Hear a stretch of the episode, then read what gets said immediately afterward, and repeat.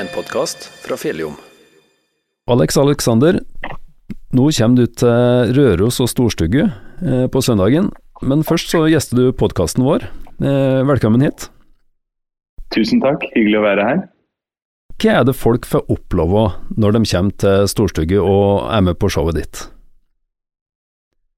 Da får de bli med inn i min magiske verden, der ingenting er umulig, illusjoner blir til virkelighet, og drømmer går i oppfyllelse.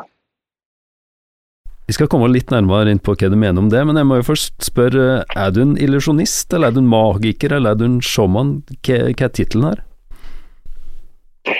Jeg vil vel absolutt si at jeg er alle de tingene du sa. For showman er jo en veldig viktig del av det jeg gjør. Det å være entertainer. Det å underholde folk. Jeg bruker mye humor. Men selvfølgelig, jeg er også illusjonist og magiker. Og det er mange som spør om det, hva som er forskjell på en tryllekunstner og en illusjonist. Eh, og det er jo rett og slett at eh, jeg har 25% bedre betalt. Men helt, helt, seriøst så er det, handler det faktisk litt mer om at jeg tror folk har sett tryllekunstnere på juletrefester, på høyfjellshotell, i barnebursdager, kaniner opp fra flosshatt og, og den litt annen type ting enn det jeg gjør. da. Jeg har jo et show som er i en større innpakning, i en, i en mer eh, storslagen skala med masse lys, musikk, eh, dans, eh, store illusjonsnummer, som jeg kombinerer med små fingerferdige ting. Og når vi gjør de mindre tingene, så filmer vi det, og det kommer på storskjermer. Sånn at uansett hvor du sitter i salen, så kan du følge med i minste detalj. Så det er en opplevelse som passer like godt for vennegjengen, kollegaene på jobben eller familien. Mm. Men sånn at folk får vite litt, eller sette seg inn litt mer i hva som faktisk foregår under eh, forestillinga. Er det et spesielt nummer du kan trekke frem og fortelle litt mer om, sånn at folk vet hva som kommer til å skje? Jeg skal røpe én ting, da. Og du vet at i min bransje så pleier vi jo ikke å røpe ting, men jeg skal gjøre det litt spesielt med deg nå i podkasten her. Jeg skal røpe og si at jeg skal få en person i publikum, en helt tilfeldig person, kan være hvem som helst, kanskje det blir deg, eh, til å sveve i løse luften. Wow. ikke avtalt på forhånd, helt tilfeldig. Kommer til å plukke én person i salen som kommer til å være den heldige og få lov å oppleve magien. Nei, Det blir jo utrolig spennende å se noen flyte fritt i rommet eller oppå scenen. Ja. og jeg liker, jeg liker, det å bruke publikum. Jeg, det at publikum er delaktige gjennom showet.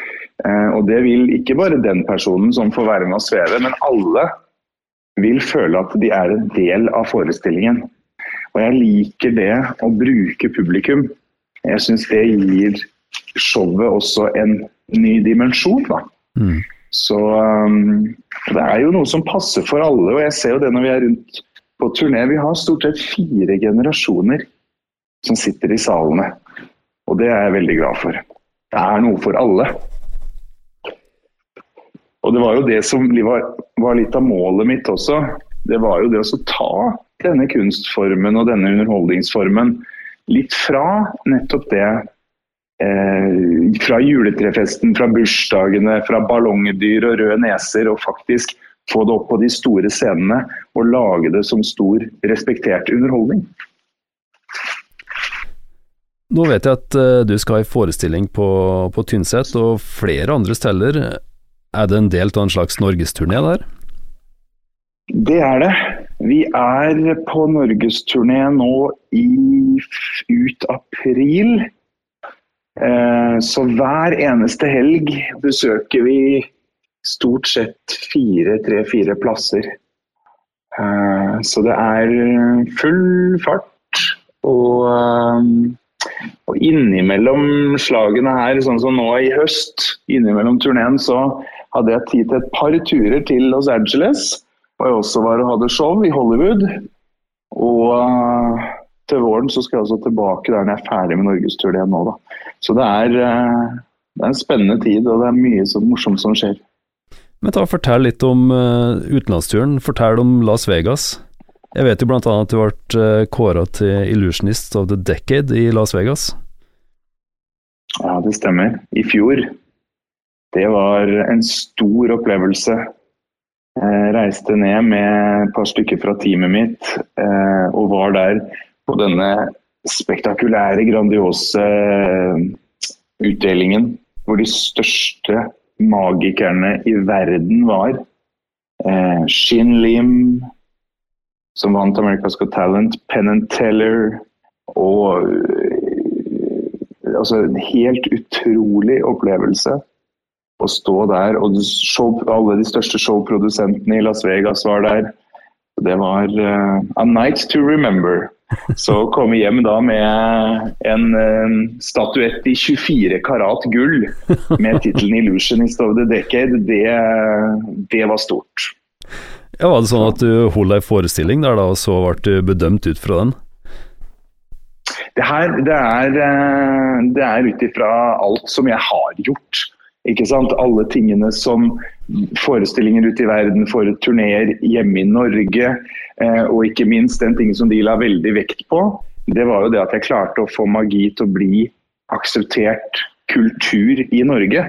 For gjennom covid, korona, så ville Kulturrådet, Norsk kulturråd, fjerne trylling fra kulturkartet i Norge.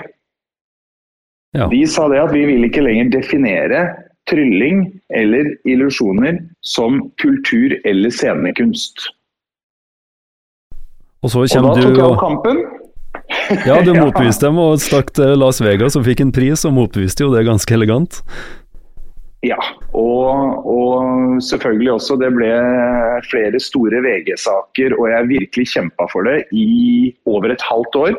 Og jeg klarte å få Kulturrådet til å snu, hvor klagenemnda sa at de så på det som en saksbehandlingsfeil, og at de herved anerkjenner trylling som eh, både kultur og scenekunst i Norge. Så, og Det kan nok ha litt også med å gjøre at de gjorde det fordi jeg også gjorde et stort bidrag i Kristiania Magiske Tivoliteater, denne julekalenderen som var på NRK i fjor. Mm. Hvor uh, egentlig hele serien handla om trylling og magi.